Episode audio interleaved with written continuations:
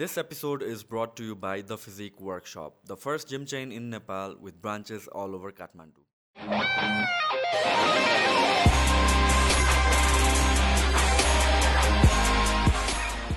Now, when it comes to healing mental health या physical health पनि sounds and vibration यो धेरैचोटि हामीले रिसेन्ट वर्ल्ड रिसेन्ट टाइममा सुनिरहेको हो स्पिरिचुअलिटीको कन्टेक्स्टहरू रिसेन्ट टाइममा सुनिरहेको हो चक्राजहरूको कुराहरू भयो।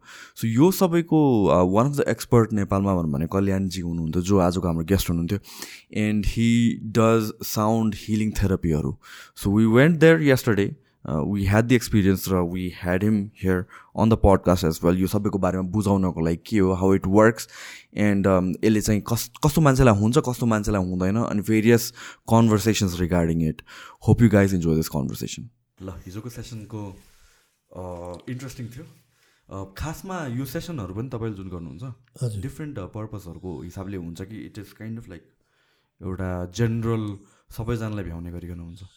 अब बेसिकली दुईवटा पाटो हुन्छ।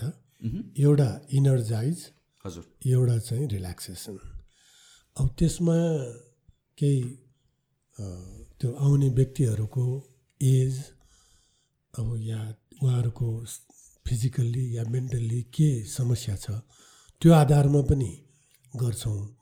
तर ग्रुपमा हुँदाखेरि सबैलाई ब्यालेन्स हुन सक्दैन। हिजोकै सन्दर्भमा एकजना त्यो चाइनिजलाई चाहिँ अलिकति डराएको जस्तो फिलिङ भएर छ। त्यो अरू सबैलाई चाहिँ हामी बाह्रजना थियौँ। एघारलाई चाहिँ एकदम रिल्याक्स भयो तर एकजनालाई त्यो फिलिङ भयो। त्यसैले ग्रुपमा हुँदाखेरि चाहिँ हामीले हिलिङ या ट्रिटमेन्टको बेसिसमा गर्न अलिक अप्ठ्यारो हुन्छ कमन हुन्छ।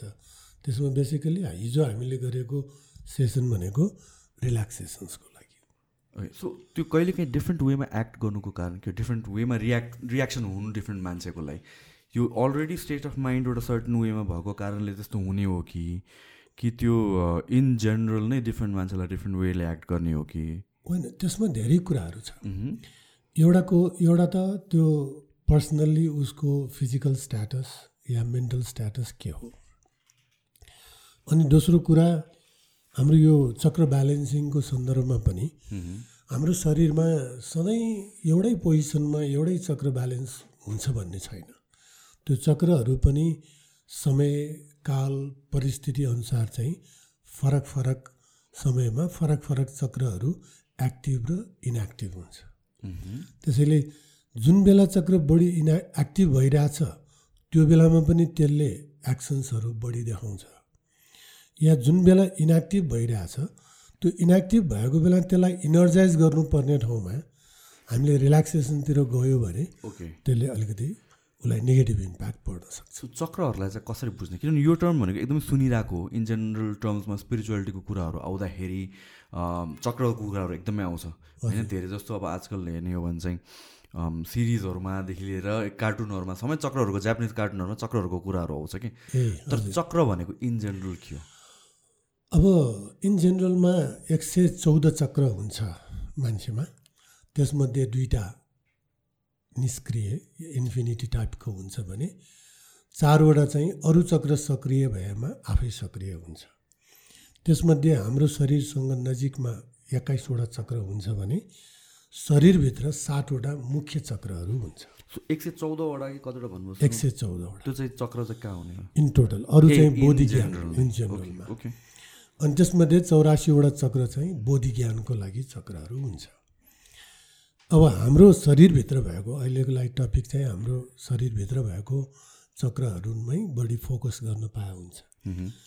हाम्रो शरीरभित्र सातवटा चक्रहरू हुन्छ। संस्कृतमा यसलाई मूलाधार चक्र स्वादिष्ठान चक्र मणिपुर चक्र अनाहत चक्र विशुद्ध चक्र आज्ञा चक्र र सहस्र चक्र भनिन्छ।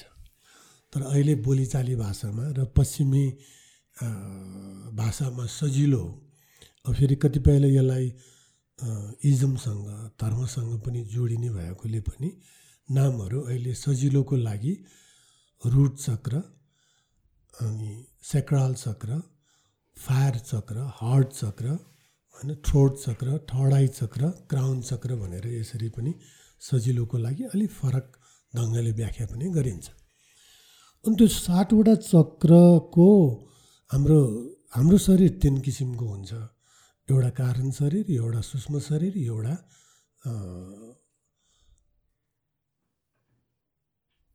सूक्ष्म शरीर एउटा चाहिँ स्टुल शरीर फिजिकल बडी त्यो सुस् हाम्रो यो जुन स्टुल शरीरको सन्दर्भमा कुरा गर्ने हो भने मूलाधार चक्र हामी मोसन होइन डिस्चार्जको एउटा पोइन्ट हो।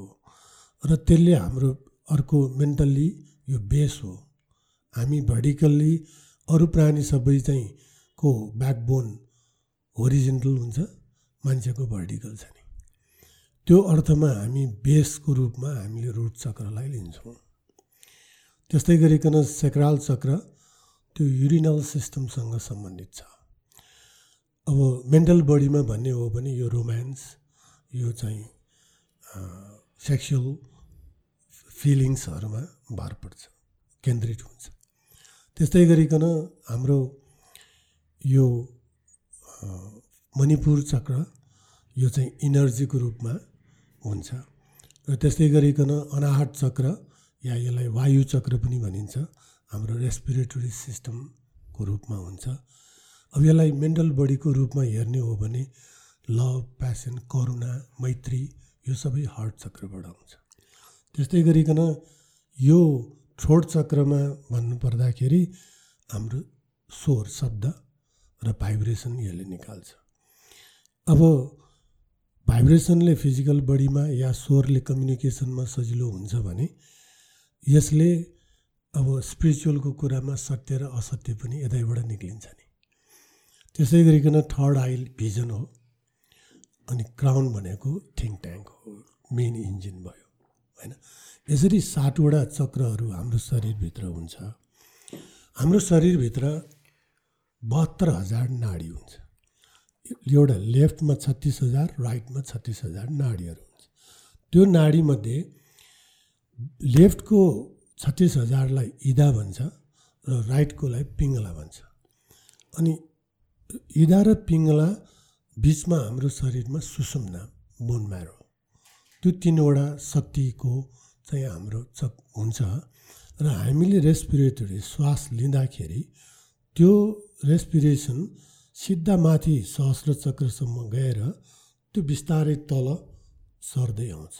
जहाँ जहाँ क्रस हुन्छ त्यो क्रसिङ पोइन्टलाई चाहिँ मूल चक्र सातवटा चक्र ओके।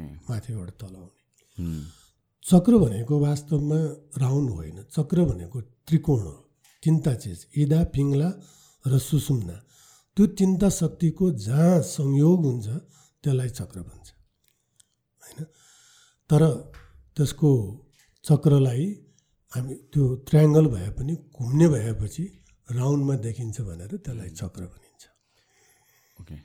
अनि यो चक्र सबैको चाहिँ आफ्नै रङ छ आफ्नै लोगो या चाहिँ चिन्ह छ। त्यस्तै गरिकन आफ्नै स्वर छ र आफ्नै मन्त्र छ। यदि हामीलाई यो चक्रहरू ब्यालेन्समा भएन भनेदेखि या बढी इनर्जाइज भयो या इनएक्टिभ भयो भने पनि हामीलाई विभिन्न किसिमको मानसिक या शारीरिक कठिनाइहरू आइपर्छ। सो एउटा हिसाबले हेर्दाखेरि चक्रहरू भनेको बडीको एनर्जी सेन्टर जस्तो यस सेन्टर नै हो नि होइन।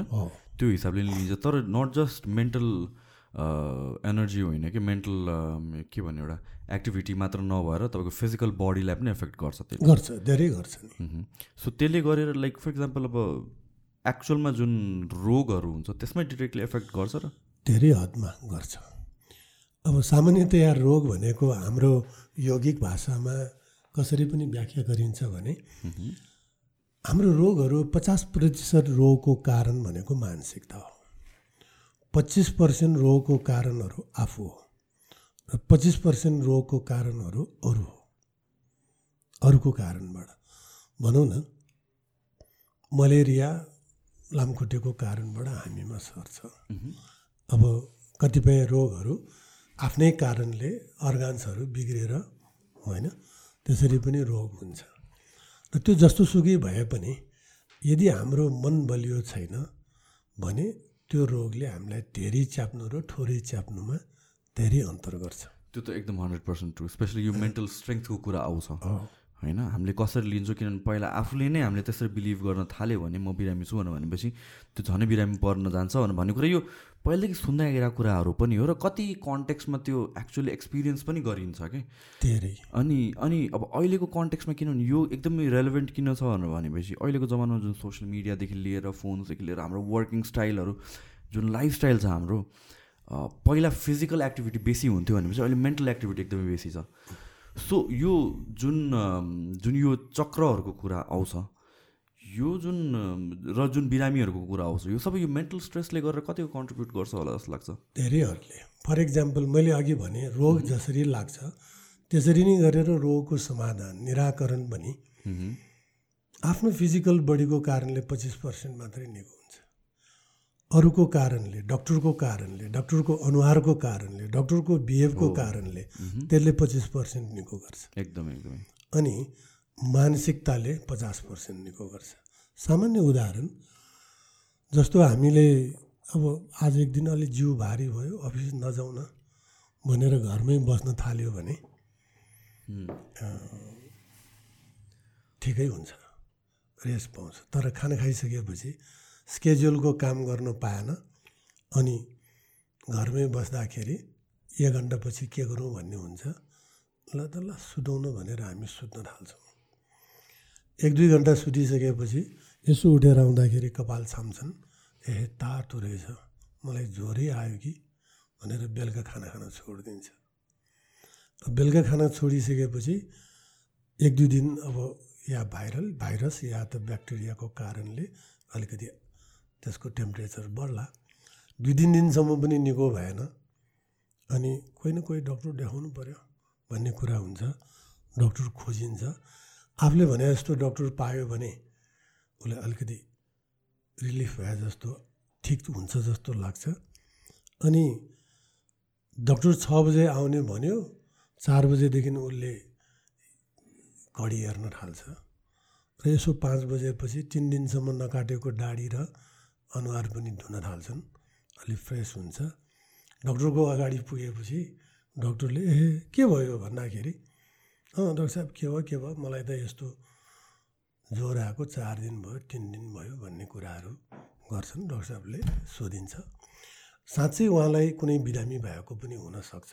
तर सामान्य भाइरल या चाहिँ ब्याक्टेरियल इफेक्टले भएको ज्वरो मात्रै हो भने पनि यदि त्यो अवस्थामा त्यो डक्टरले गरेको कुरा या त्यो डक्टर साहबको मिजाजले हो भने ओह मलाई निको हुन्छ भन्ने भावना हुन्छ। होइन भर्खर पढेर आएको डक्टर जस्तो खोइ हेर्दाखेरि नै डक्टर जस्तो छैन भन्ने खालको उसले सोच्न थाल्यो भने उहाँले दिएको दबाई पनि लाग्दैन। अब दबाई पनि दबाई भनेको त नामै दबाई उसले त दबाई दिने हो उसले रोग निको पार्दैन। कुनै पनि रोग दबाईले रोग इट्सेल्फ निको पार्दैन। उसले केही समयको लागि दबाई दिने हो। अब डक्टर साहबले हामीलाई ज्वरो आयो भने सिटामोल छ छ घन्टा फरकमा तिन दिनसम्म खानु भनेको अर्थ त्यो प्यारासिटामोलले हाम्रो बडीको टेम्परेचरलाई छ घन्टाको लागि दबाई दिने हो। छ घन्टापछि त फेरि बढेर आउँछ। त्यसैले फेरि एक चक्की खाऊ भने हो। जबसम्म हाम्रो एन्टिब्याक्टेरियल तयार हुँदैन जबसम्म हामीले चाहिँ इम्युन तयार हुँदैन त्यो ड्यु ड्युरेसनमा तबसम्म रोग निको हुँदैन। त्यसैले नामै दबाई दबाईको काम रोगलाई दबाई दिन्छ यो दुइटै कुरालाई चाहिँ हाम्रो मानसिकताले हामीलाई त्यसले पोजिटिभली अब मैले दबाई खाएँ म निको हुन्छु ओहो मैले फलानु डक्टर देखाउनु पाएँ। अब निको हुन्छु भन्ने खालको उसलाई चाहिँ अलिकति सकारात्मक ऊर्जा मिल्यो भने त्यो रोगले चाँडै निको हुन्छ। होइन जहाँ देखाए पनि हुन्न जे गरे पनि हुन्न भनेर चाहिँ नेगेटिभ थट्स आयो भने रोग निको गाह्रो हुन्छ। यो मेजोरिटी अफ रोगहरूको issues I mean it start from the brain itself माइन्डबाट नै माइन्ड भनेको एकदम इम्पोर्टेन्ट पार्ट हो। र स्पेसली अहिलेको वर्ल्डमा अघि भने नि त हामीहरूको जुन लाइफस्टाइल छ मेन्टल हेल्थ इस्युजहरूको बारेमा धेरै कन्भर्सेसनहरू आइरहेको हुन्छ धेरैजनालाई चाहिँ अहिले एङ्जाइटी या डिप्रेसनहरू भन्ने वर्डहरू अब युज गरिरहेको हुन्छ। एङ्जाइटी सम फर्म त सबैलाई सानो लेभलमा ठुलो लेभलमा त हुन्छ नि होइन? तर त्यसलाई हामीले कसरी लिन्छौँ? यो एङ्जाइटी भएछ मलाई भनेर एकदमै डिप्रेस नै भएँ भनेर लिन थाल्यो भने त्यसले डिफ्रेन्ट वेले एफेक्ट गर्ला। कोहीले चाहिँ त्यसलाई ओभरकम गरेर लन त भनेर एउटा हिसाबले हेऱ्यो भने कसरी हेर्छौँ त्यसमा धेरै फरक पर्छ स्पेसली जुन यो साइकोलोजिस्टहरू साइकेट्रिस्टहरूको कुरा छ। साइकेट्रिस्ट त इट्स डिफ्रेन्ट थिङ साइकोलोजिस्टहरूलाई त मेडिसिनहरू दिन पाउँदैन। सो इट्स बेसिकली काउन्सिलिङ र कम्युनिकेसन हो नि त। अनि आई थिङ्क मेजोरिटी अफ यो सेसन्सहरू भन्नु भनेको त एउटा हिसाबले माइन्डलाई ट्रेन गर्ने नै त हो नि त। हामीले कसरी बिलिभ गरेर आएको छौँ हाम हामी कति कन्फिडेन्ट छ हाम्रो बडीको एबिलिटीमा या आफूमाथि।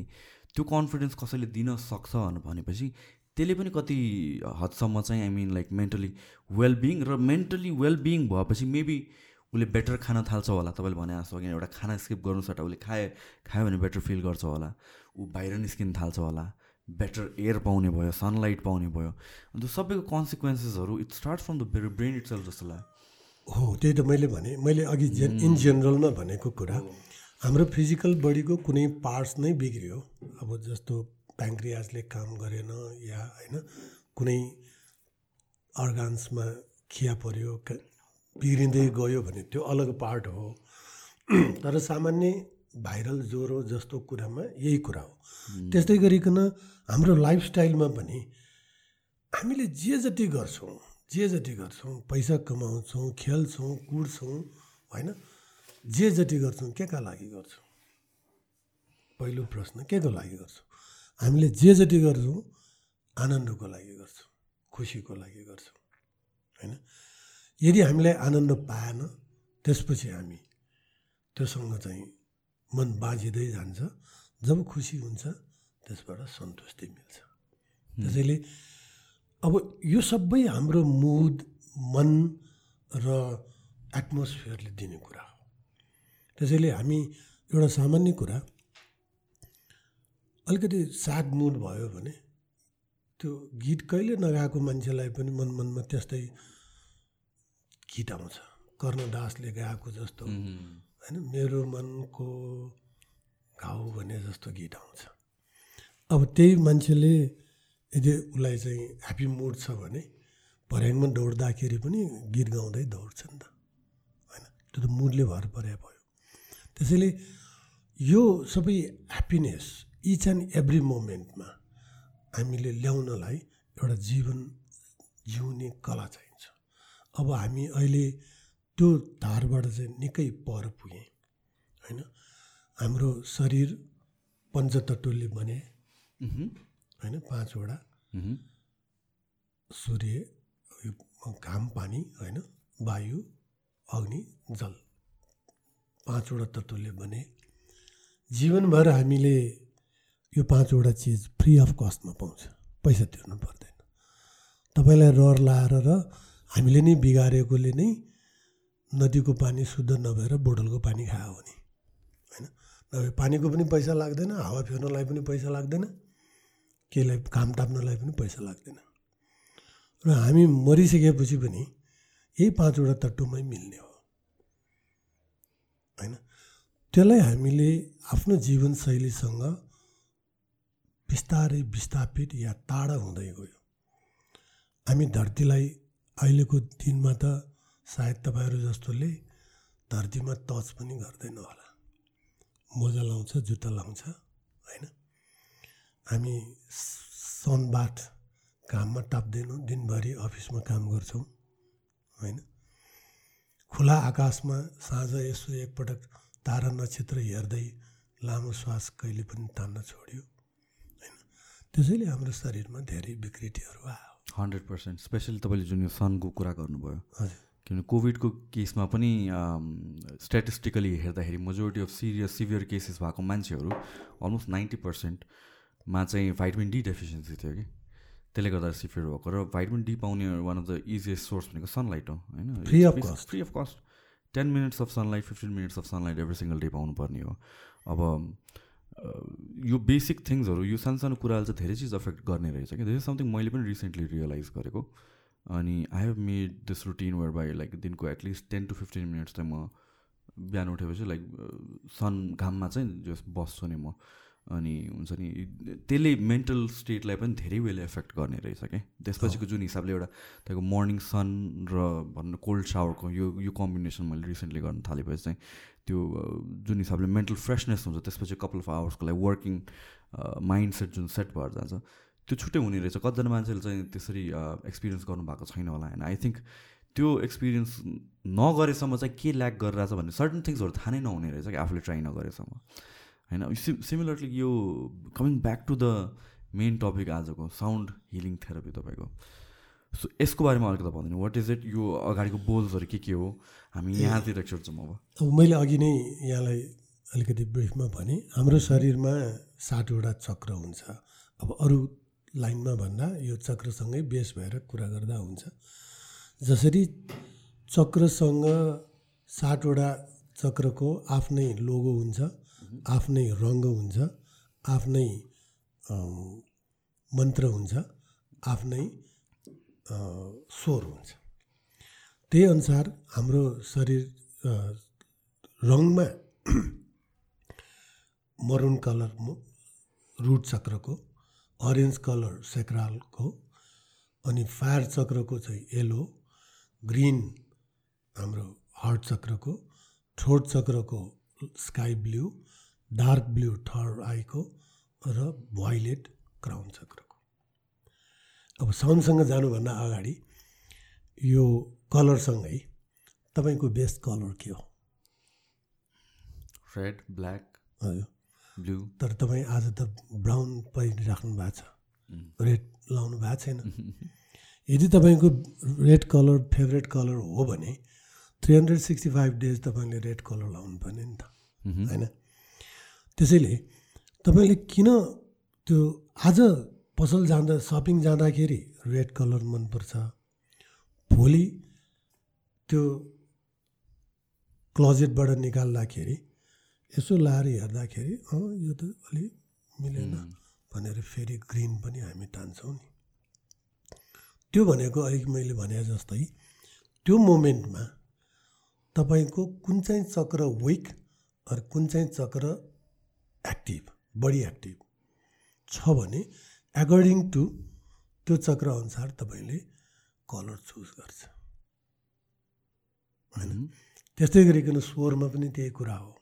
इन सर्ट टर्म बेसिसमा त्यो बाहेक लङ टर्म बेसिसमा चाहिँ कुनै पनि उसको फिजिकल बडी या मेन्टल बडीमा डिस्टर्ब हुन्छ भने उसलाई चाहिँ त्यो अनुसारको स्वरसँग मिल्यो भने हुन्छ। अब स्वर भनेको कहिले राम्रो हुन्छ? स्वर आफै राम्रो हुनु पऱ्यो त्यसपछि स्वरमा ताल भयो भने राम्रो हुन्छ। त्यसपछि त्यसमा रिजोनेन्स भयो भने अझ राम्रो हुन्छ। र त्यसमा चाहिँ हार्मोनी भयो भने अझ बढी राम्रो हुन्छ। सङ्गीत या कुनै पनि गीतमा त यो चारवटा चिज भएपछि मात्रै राम्रो हुन्छ नि होइन? हो त्यो नै त्यसैले हामीले साउन्ड थेरापी भनेको कुनै पनि खालको म्युजिक भनौँ या स्वर भनौँ त्यसले गर्न सक्छौँ। तर त्यसमा रिदम रिजोनेन्स मेलोडी सँगसँगै भयो भने राम्रो हुन्छ। अब भनौँ न फर इक्जाम्पल बाँसुरीमा पनि स्वर त निकै राम्रो छ नि। तर बाँसुरीले हाम्रो शरीरमा फिजिकल्ली हामीले टच हुँदैन मेन्टल्ली हामी टच हुन्छौँ होइन? तर ड्रमहरू बजायो भने हाम्रो खुट्टा अटोमेटिकली चल्न थाल्छ। या हामीले भाइब्रेट फिल गर्छ। त्यस्तै मेटालिक सामानहरूले गर्यो भने त्यो मिडल पार्ट अफ बडीलाई हामीलाई बडी इफेक्ट गर्छ। त्यसैले यो साउन्ड थेरापीमा पनि विभिन्न टुल्सले तपाईँ युज गर्न सक्नुहुन्छ। एउटै कारण के भने सिङ्गिङ बोल्स किन चाहियो त भन्ने सन्दर्भमा सिङ्गिङ बोल्समा थ्री हन्ड्रेड सिक्सटी डिग्री एकपटक यसो बजाउँदाखेरि तिन सय पैँसठी डिग्री तिन सय साठी डिग्री यसको भाइब्रेसन फैलिन्छ। अब हामीले ड्रम बजायो भने वान साइडेड मात्रै भाइब्रेसन हुन्छ। अनि यसमा टोन विथ ओभर टोन हुन्छ। त्यो भएपछि यसको अलङ्कार लामो भएर जान्छ। त्यसले हामीलाई चाहिँ कुनै पार्टले अप्पर बडीलाई कन्ट्याक्ट गर्छ कुनै पार्टले लोयर बडीलाई काम दिन्छ। अब यो साउन्ड भन्ने चिज पनि के छ भने हाम्रो साउन्ड तिन प्रकारको हुन्छ। हाम्रो यो सोनिक साउन्ड हामी जुन हाम्रो कानले सुन्छौँ होइन? बिस हर्जदेखि बिस हजार हर्जसम्म हाम्रो कानको सुन्ने क्यापासिटी त्योभन्दा माथिको पनि सुन्दैनौँ तलको पनि सुन्दैनौँ। अनि इन्फ्रासोनिक साउन्ड र अल्ट्रासोनिक साउन्ड अर्को दुईवटा जुन तल्लो र माथिल्लो। त्यसैले हामी त्यो सोह्र हजार फिट माथि उडेको प्लेनको साउन्ड त सुन्छौँ। Moon itself sun itself पनि घुमिरहेछ नि त। उसको पनि त मोसनमा मोसन भएपछि भाइब्रेसन हुन्छ भाइब्रेसन भएपछि साउन्ड हुन्छ। तर हामीले सुन्दैनौँ। एउटा त वायुमण्डलको कारणले दोस्रो हाम्रो कानको क्यापासिटी छैन। होइन? त्यसैले भुइँचालो लाग्नुभन्दा अगाडि हामीले थाहा पाउनुभन्दा अगाडि कुकुर र पन्छीहरूले थाहा पाउँछ। उनीहरूसँग त्यो क्यापासिटी अलिक बढी छ। त्यस्तै गरिकन हाम्रो शरीरभित्र अर्गान्सहरू इच एन्ड एभ्री अर्गान्सहरू त्यसको मोसन छ। त्यो चलायमान छ। जहाँ मोसन छ त्यहाँ भाइब्रेसन हुन्छ। जहाँ भाइब्रेसन हुन्छ त्यहाँ साउन्ड हुन्छ। त्यो पनि हामी सुन्दैनौँ। हामीले हार्टको मात्रै सुन्छौँ नि। अलिकति डक्टर त्यो मात्रै सुन्छौँ। त्यसैले यो अल्ट्रा या इन्फ्रासोनिक साउन्डहरू हामीले सुन्न नसक्ने साउन्डहरूलाई पनि सुन्न सक्नेमा परिणत गरियो भने हामी मेडिटेटिभ हुन सक्छौँ। त्यो चाहे विभिन्न माध्यमहरू छ। त्यसैले यो साउन्डहरूलाई हामीले प्रयोग गर्ने तरिकाले हामीले चाहिँ साउन्ड थेरापी अरू साउन्ड हिलिङ गर्न सक्छौँ। सो ओके मेरो एउटा क्वेसन यो जुन सिङ्गिङ बोलहरू छ रेगुलर बोलभन्दा कसरी डिफ्रेन्ट हुन्छ? यो बनाउनको लागि समथिङ एल्स नै हुने हो कि? ओके मेकानिजम के छ यसमा? सिङ्गिङ बोल्स इट्स सेल्फ अब यो यसरी धेरै यसको डिफिनेसनमा जाँदाखेरि केही ब्याकसेट्सहरू पनि होला। तर अहिले जे भए पनि सिङ्गिङ बोल एउटा पपुलर हटकेक भइरहेछ। र अर्को मैले नोटिस गरेर आएको भने तिनटै सिङ्गिङ बोलमा डिफ्रेन्ट प्याटर्न छ। यसमा त मन्त्रहरू लेखेको छ यो प्लेन छ अनि यसमा चाहिँ जुन डट डट टाइपको छ। यसको पनि फङ्सन डिफ्रेन्ट छ त्यही त सिङ्गिङ बोल्सको उपादेयता भनेको मैले अघि भने यो बजाउँदाखेरि तिन सय पैँसठी डिग्री यसको चाहिँ भाइब्रेसन हुन्छ। अनि लो ट्युनले हाम्रो लोयर पार्ट पार्ट अफ बडीलाई भाइब्रेट गर्छ।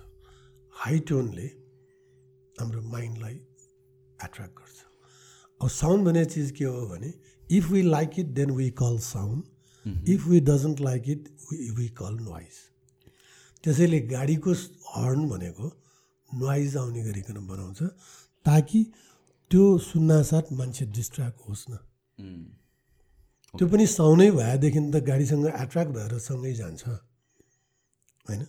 त्यसैले त्यो स्वर एउटा लो लो ट्युनहरू चाहिँ हाम्रो तल्लो शरीरलाई काम लाग्छ।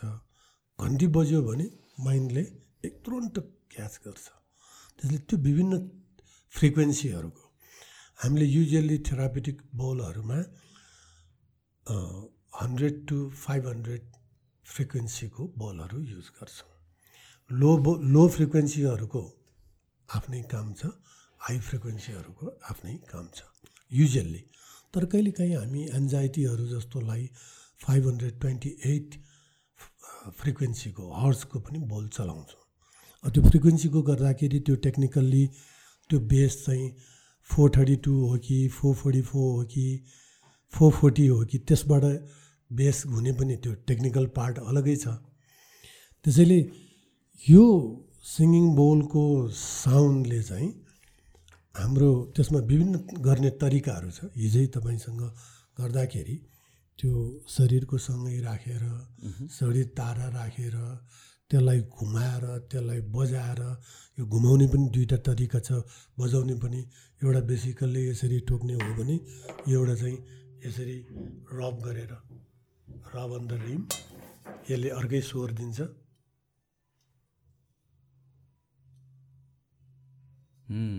होइन?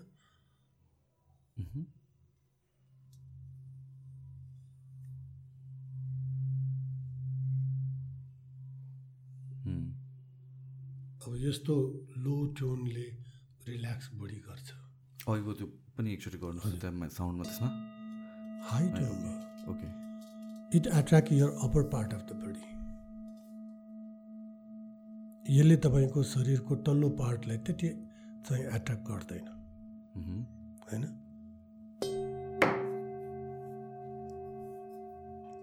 अब यो लो भयो। यो सी नोटको बल अब यो मिडियमको यसको स्वर अलगै छ। यो हाई टोनको। त्यसैले त्यो बोलहरू हाम्रो चक्र अनुसारको फरक हुन्छ। अब फर इक्जाम्पल यो एफ नोटको हो। एफ नोट भएकोले यो चाहिँ हार्ट चक्रलाई एकदम काम लाग्छ। यसको फ्रिक्वेन्सी अब सबै बोलहरूको C नोटदेखि hundred and thirty hundred and forty eight hundred and sixty hundred and seventy five hundred and ninety six two hundred eighteen two hundred forty eight. त्यसरी चाहिँ प्रत्येक चक्रको फ्रिक्वेन्सीहरू फरक हुन्छ। त्यसैले हामीले यो सिङ्गिङ बोल पनि त्यही चक्रकै आधारमा नियर बाई सबै एक्ज्याक्ट हुन त गाह्रो छ। नियर बाई हामीले त्यसरी युज गऱ्यो भने त्यो चक्रहरू हिल हुन या तिनीहरूलाई रिल्याक्सेसन दिन मद्दत गर्छ। अब यो सिङ्गिङ बोल इट्सेल्फ चाहिँ किन राम्रो हुन्छ भन्ने कुरामा यो सातवटा मेटलको एलोय हो मेटल हो। सातवटा मेटलको एलोय मेटल हो। बेसिकली यसमा हामीले चाहिँ कपर र तिन बेस मेटल हो। त्यसपछि अर्को पाँचवटा मेटल आइरन जिङ्क हुन त मर्करी चाहिने हो तर अहिले मर्करी प्रोहिबिटेड भएकोले हामीले लिड युज गर्छौँ। अनि धेरै few percentage of gold and silver. त्यो मिलाएर सातवटा धातुको यो बोल बन्छ। अनि त्यो सातवटा धातु इट्सेल्फ प्लानेटहरूसँग पनि कनेक्ट हुन्छ। इचको सनको गोल्ड मुनको सिल्भर जुपिटर तिनको त्यसरी नै सबै पाँचैवटा सातैवटा मेटलहरूको त्यो प्लानेटहरूसँग पनि कनेक्सन हुन्छ। त्यसैले त्यो प्लानेटको इनर्जी पनि पाउने भन्ने अर्को अर्थमा छ। अनि त्यसपछि साउन्ड भनेको फेरि alloy of the metal size of the ball shape of the ball अनि thickness of the wall smoothness smoothness of the body त्यसले पनि फरक हुन्छ। त्यसैले हामीले कस्तो खालको बोल बनाउने त्यो अनुसार चाहिँ हामीले यो एलोइदेखि लिएर उसको सेप साइज थिकनेस फरक। सो नाउ साउन्ड थेरापीमा हाम्रो बोलको कुरा त भएको छ बोल बाहेक अरू साउन्डहरू पनि हामीले युज गर्छौँ। फर इक्जाम्पल लेट्स चाहिँ जेनरल टर्ममा हेरौँ न म्युजिकलाई पनि मान्छेहरूले त्यही हिसाबले लिन्छ नि त। पढ्ने बेलामा पढ्ने बेलामा डिफ्रेन्ट काइन्ड अफ म्युजिक हुन्छ होला। पार्टी गर्ने बेलामा डिफ्रेन्ट हुन्छ ह्याप्पी मुडमा डिफ्रेन्ट हुन्छ स्याड मुडमा डिफ्रेन्ट हुन्छ एङ्ग्री हुँदाखेरि डिफ्रेन्ट हुन्छ। डेफिनेटली सो यो पनि फ्रिक्वेन्सीको बेसिसमा जाने हो र। अब फ्रिक्वेन्सी भनेको टेक्निकल पार्ट भयो। फ्रिक्वेन्सी भनेको त अब साउन्डको बाटो वेभ हो वेभ लेन्थको हिसाबले वेटको वेभको चौडाइको हिसाबले त्यसलाई फ्रिक्वेन्सी नापिने हो। जति फ्रिक्वेन्सी चाहिँ सा ठुलो बढ्दै गयो त्यति चाहिँ स्ट्रङ हुने हो त्यो टाढासम्म जाने भयो। फर इक्जाम्पल अब सर्ट वेभ टुमा बिबिसी पनि सुन्छ एफएम काठमाडौँबाट हेटौँडासम्म पनि सुनिँदैन। त्यो त वेब्सको बाटो साउन्डको बाटो हो फ्रिक्वेन्सीहरू होइन। त्यसैले तर त्यो बाहेक पनि मैले अघि नै पनि भने कि हामीमा जुनसुकै खालको साउन्डबाट हामीले हिलिङ गर्न मिल्छ। चाहे त्यो कुनै कविता वाचन गरेर होइन या कुनै चाहिँ गीत गाएर होइन या यस्तै इन्स्ट्रुमेन्ट बजाएर ड्रम बजायो भने अर्कै खालको इनर्जाइज हुन्छ। घन्टी बजायो भने माथिल्लो पार्टलाई एट्र्याक्ट हुन्छ होइन मेटालिक प्रडक्टहरू युज गऱ्यो भने मिडियम पार्टलाई काम लाग्छ। त्यसरी चाहिँ जुनसुकैबाट पनि गर्न मिल्छ। फर इक्जाम्पल हामी च्यान्टिङ गर्छौँ। च्यान्टिङ पनि एक प्रकारको गीतै हो। आखिर त्यसमा ताल सुर र लय नै हुने हो होइन? वर्ड मात्रै फरक हो। मन्त्र च्यान्टिङहरू चाहिँ मन्त्र आफैमा वेटेज हुने र त्यसको अर्थ हुने भएकोले बढी भएको बढी पावरफुल हुने हो। त्यसको ठाउँमा हामीले कुनै पनि गीत गाएर पनि हामीलाई च्यान्ट गर्न या हामीले हिलिङ गर्न सक्छौँ। त्यो स्वर चाहिँ हामीले कस्तो खालको स्वर निकाल्ने? होइन कस्तो स्वरले कस्तो खालको रोग या कस्तो खालको इमो मोस इमोसनहरूलाई ट्रिट गर्छ? त्यो आधारमा गर्न सकिन्छ। मैले अघि पनि एउटा यहाँलाई सानो च्यान्टको उदाहरण दिएँ नि। हो त्यो फेरि हजुर। अडियन्सलाई पनि दिनु पऱ्यो ओके मेरो स्वर त राम्रो छैन तैपनि अब हामी बेसिकली यौगिक फिल्डमा या यो साउन्डको फिल्डमा हामीले गीतहरू भन्नुभन्दा च्यान्टिङहरू भन्नु मन पराउँछ। अब एउटा शिवकैमा कर्पूर गौरम करुणावतारम संसारसारं भुजगेन्द्रारं सदा वसन्तं हृदयारविन्दे भवं भवानी सहितं नम। यो एउटा प्याटर्न भयो। यो एकदम सिरियसली होइन लो ट्युनमा यो रिल्याक्सेसन अब यहीलाई हामीले बिहानको टाइममा गर्नु पऱ्यो भने, कर्पूर गौरम करुणावतारम संसार सारम भुजगेन्द्रहारम सदा वसन्तं हृदयारविन्दे भवं भवानी सहितं नमामि। यो प्याटर्न भयो। यसले अलिकति फ्रेसनेस ल्याउँछ बिहान यो टाइपबाट गाउन मिल्यो। अब भनौँ न अहिलेको सन्दर्भमा एकजना साउथ इन्डियनको लेडीले एउटा यही मन् चाहिँ मन्त्रलाई अहिलेको भर्सनमा गाइदियो। एकदम पपुलर छ। हर हर शम्भो शम्भो हर हर शम्भो कर्पूरगौरं करुणावतारं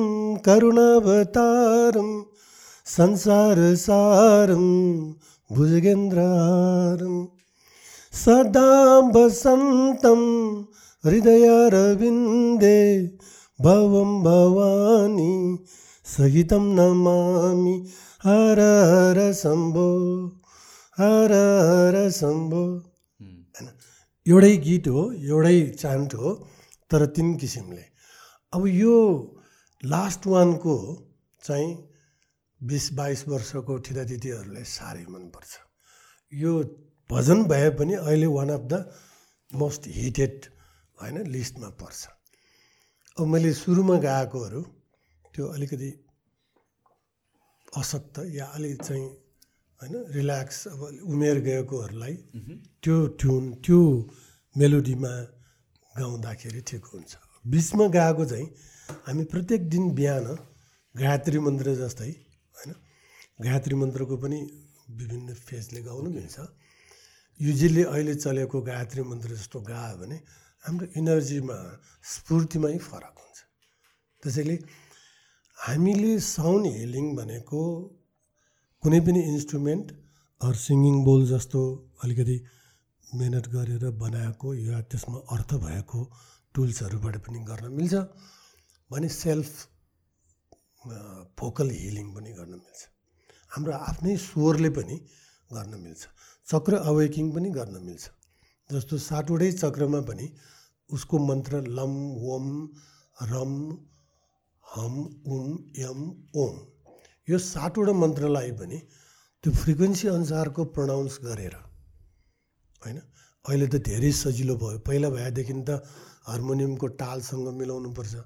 अहिले त मोबाइलमै धेरै एप्सहरू आउँछ। त्यो एप्सहरूको अनुसार स सा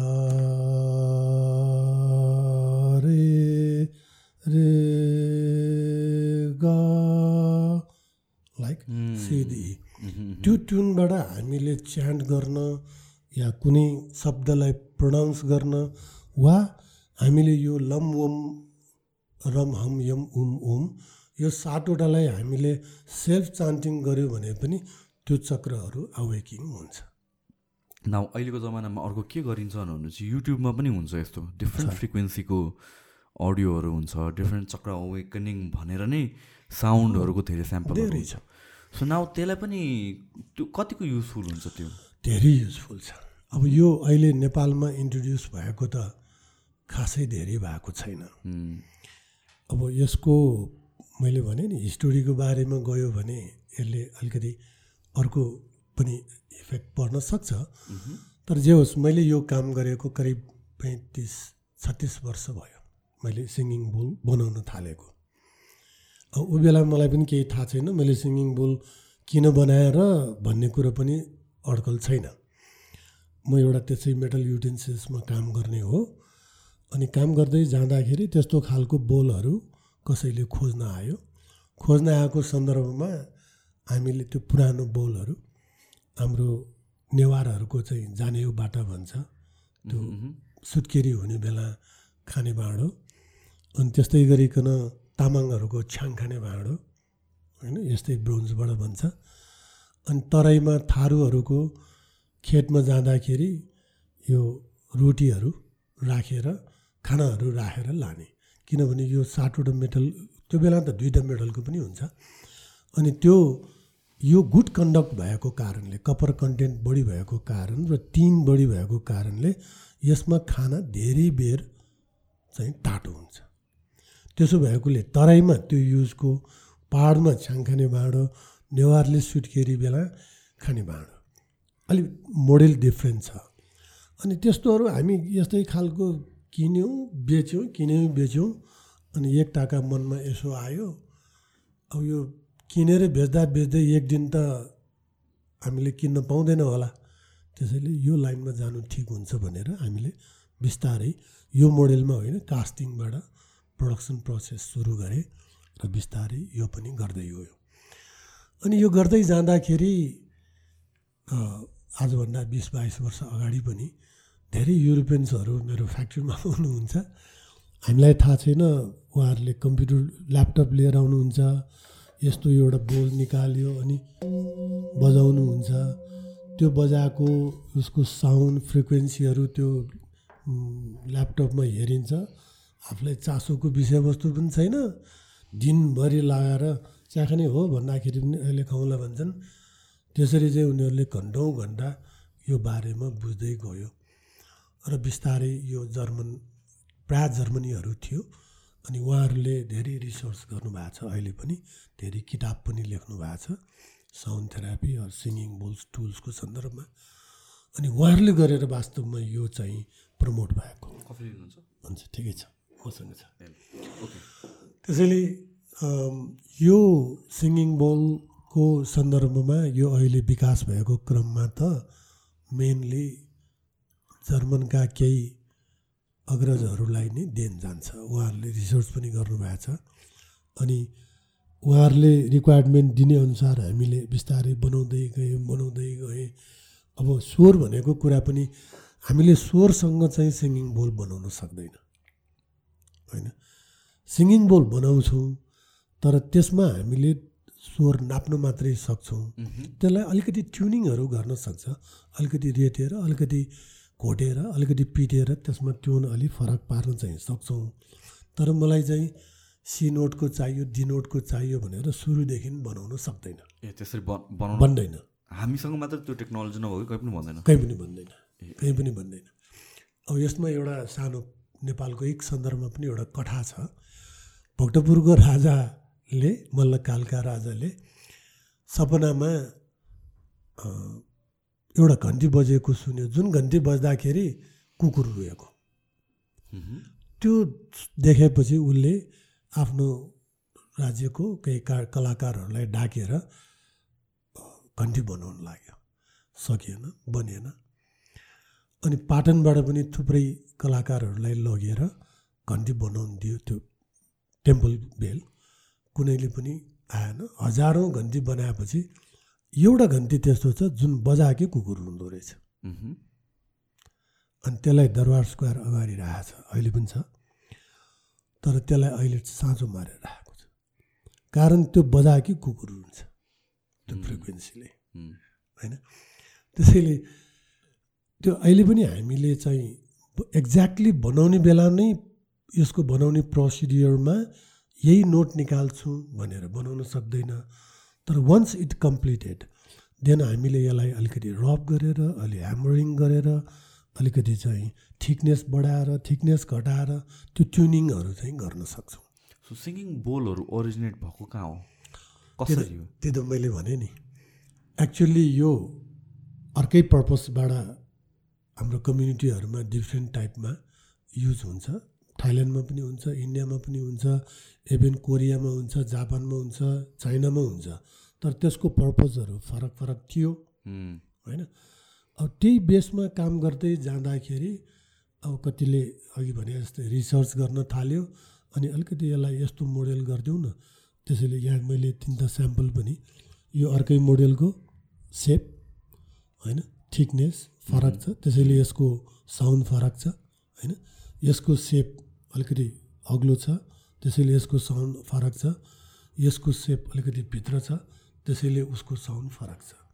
त्यसैले त्यो बिस्तार बिस्तारै हामी काम गर्दै गयौँ।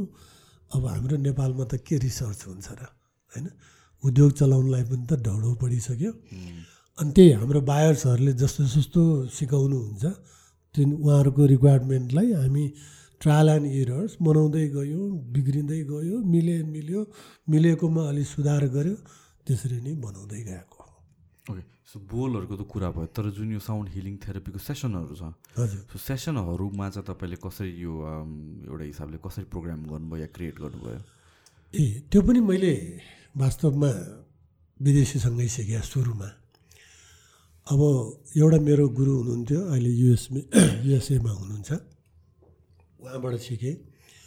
अनि दोस्रो जर्मनमा एकजना लेडी हुनुहुन्छ। उहाँहरूबाट मैले आजभन्दा सोह्र सत्र वर्ष अगाडि यो साउन्ड थेरापीका केही नियमहरू केही मेथडहरू उहाँहरूबाट सिकेको मैले नेपाली छैन। तर पनि उहाँहरूको सिकाइ या उहाँहरूको बुझाइ पनि हाम्रो नाद ब्रह्म होइन यो नाद योगबाटै बेसमा छ।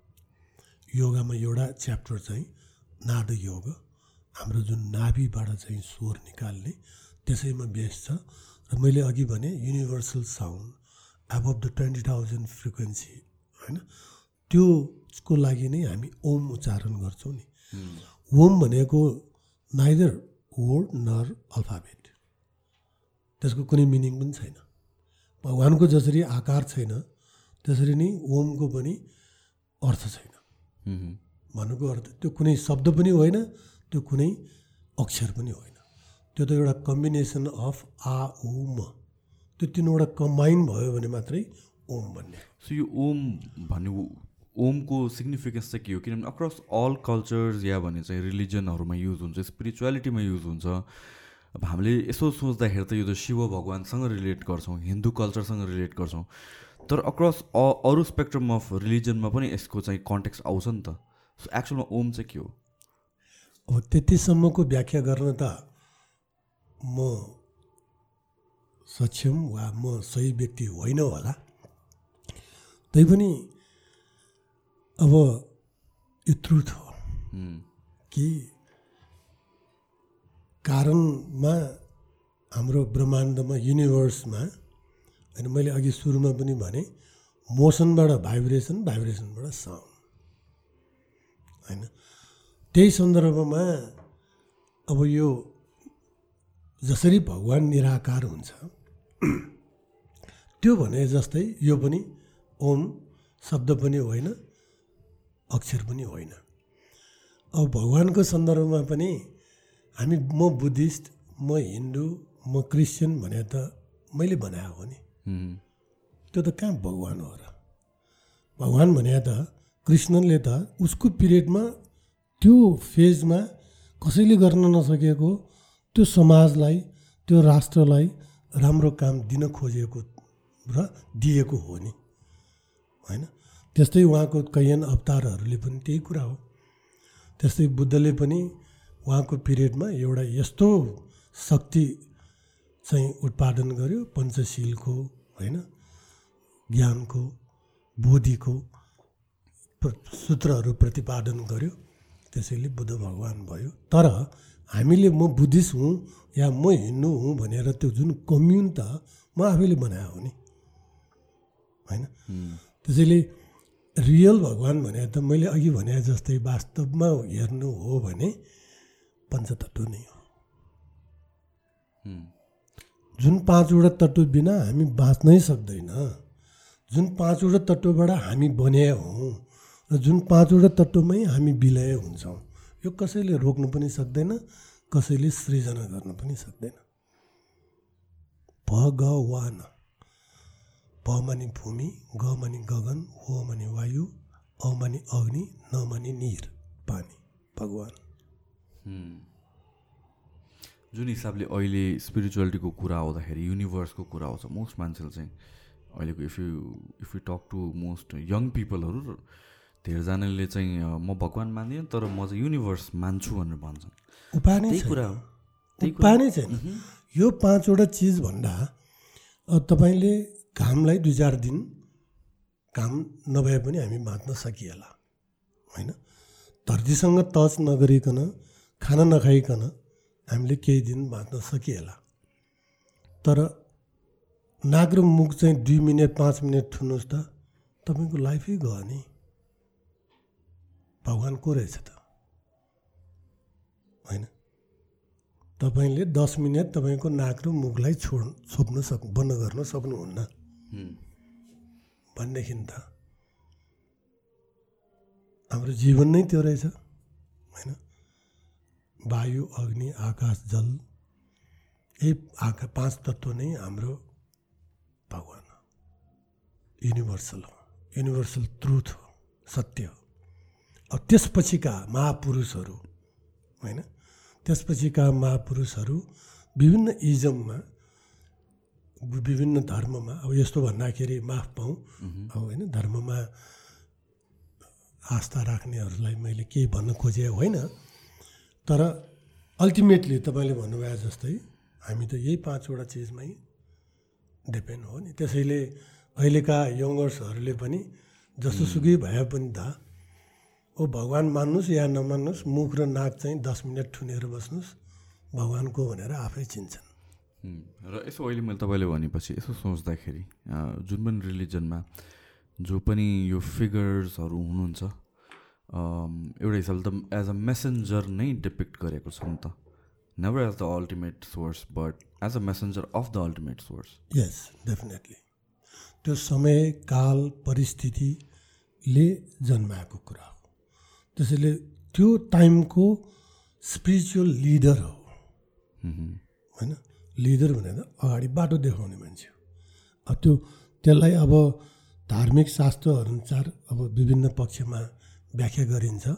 माफ पाउँ म धर्म धर्मको सन्दर्भमा मलाई केही थाहा छैन। तर ट्रुथ त केही फरक हुँदैन नि। जुनसुकै धर्म मान्ने भए पनि ऊ चाहिँ वायु बिना बाँच्न सक्दैन ऊ सनलाइट बिना बाँच्न सक्दैन ऊ पानी बिना बाँच्न सक्दैन ऊ आकाश स्पेस बिना बाँच्न सक्दैन।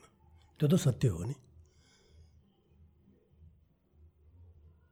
हँ? त्यसको नजिक जानको लागि सबै धर्महरूमा अलिअलि फरक होला। त्यसको डिटेलमा गयो भने ओमनाद ओम ब्रह्मनाद भनेको भए हिन्दूको भए पनि यो बुद्धिज्ममा पनि ओम छ ओम नम हिन्दूमा पनि छ। मुस्लिमहरूले पनि अलि सिमिलर टाइपबाट यस्तै प्रनाउन्स गर्नेहरू छ क्रिस्चियनिटीमा पनि छ। त्यो अर्थ समय सापेक्षिक भौगोलिक सा भौगोलिकताको आधारमा फरक फरक होला। र जुन पनि रिलिजनले सिकाउने आखिरमा मेन कोर मेसेज त त्यही नै हो। आफ्नो आफ्नो इन्टरप्रिटेसनहरू होला बुझेँ। अब कतिपय अवस्थामा यस्तो पनि छ कि सबै कुरालाई सहज रूपमा भन्दाखेरि सबै कुरा सबैजनाले मान्ने हुँदैन। त्यसैले कुनै पनि चिजको भ्याल्यु राख्नको लागि पनि केही कुरालाई अलिकति बन्द अवस्थामा राख्नुपर्ने हुन्छ। होइन? सानो बच्चालाई अब दाँत माझिएन भने के हुन्छ भन्ने थाहा छैन नि। तर आमाले ल पहिले मुख धोएर आऊ। मुख नदिइकन म चिया खानै दिन्न। त्यसैले अरू अप्सन्सै छैन मुख धोएर आऊ अनि मात्रै चिया खान दिन्छ। अब त्यो सानो बच्चालाई मुख नधोएपछि दाँत बिग्रिन्छ या यो हुन्छ भनेर एक्सप्लेन गरिराख्नुपर्ने अवस्थै रहेन नि। जब उसको बुद्धि विवेकले थाहा पाउँछ तब मात्रै त्यो कुराहरू गर्दाखेरि उचित हुन्छ। त्यस्तै गरिकन यो धर्मको सन्दर्भमा पनि सबै धर्महरू रेस्पेक्टफुल छ। सबै धर्मको आफ्नै गुणहरू छ। कतिपय अब अपवादको रूपमा त्यो धर्महरूमा विकृत अवस्थाहरू पनि आएको होला। तर त्यो धर्म भनेको पनि एउटा जीवनशैली। हामी आफ्नो जीवनलाई कसरी अगाडि बढाउने भन्ने कुरालाई त हो नि। फिलोसफी हो। फिलोसफी हो नि। त्यो कसरी बाँच्ने? त्यसैले हामी यौगिक जीवन पनि त्यो योगाले के हुने भन्दा पनि योग भनेको शाब्दिक अर्थमा एड हो। टु प्लस टू म्याथमेटिकल योग होइन? तपाईँले कफी खुवाउनु भयो पानी कफी होइन? चिनी राख्यो कफी बन्छ भौतिक योग। हामीले गीत गाउँछौँ ले योग। स्वर र तालसँग मिलाएर हार्मोनियम बजायो गीत भन्यो भगवान् कहाँ जान्छौँ। हामीले गरेको क्षम गल्ती गरेकोलाई क्षमा माग्छौँ होइन?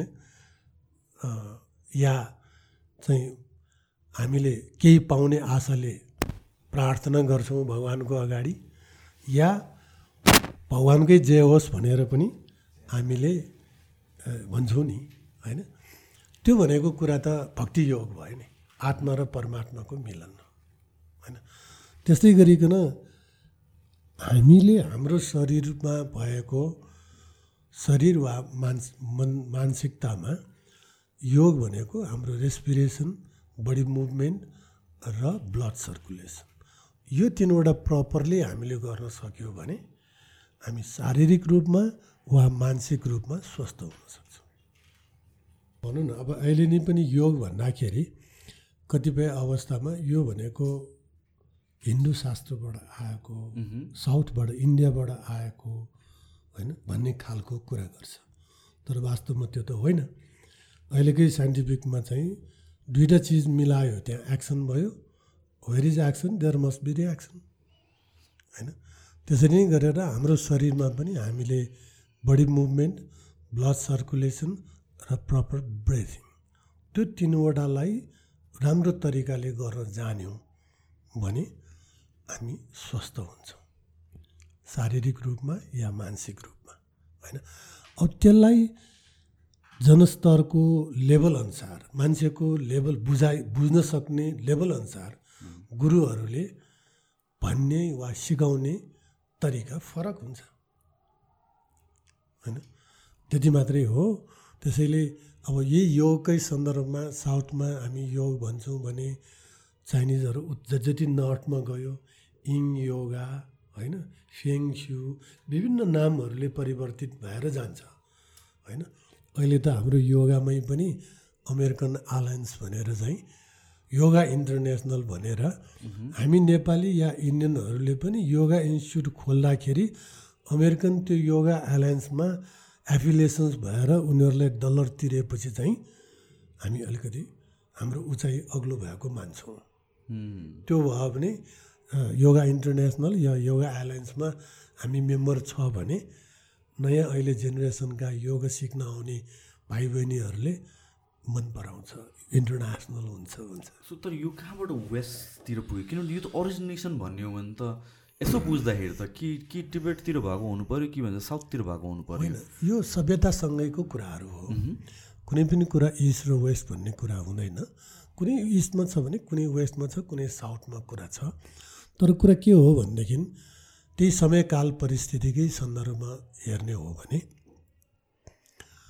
हिन्दू धर्मको बेलामा या भनौँ कृष्णको पालोमा संस्कृत भाषा थियो नि त। त्यसैले उहाँको ग्रन्थहरू सबै संस्कृतमा लेखियो।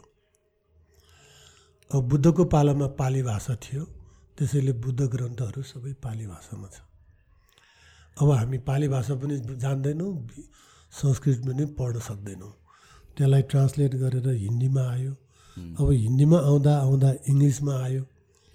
अब इङ्ग्लिस भर्सनमा हाम्रा अर्को जेनेरेसनहरूले भगवत गीता पढे पनि इङ्ग्लिस भर्सन पढेपछि त दुई सय वर्षपछि त भगवत गीता भनेको त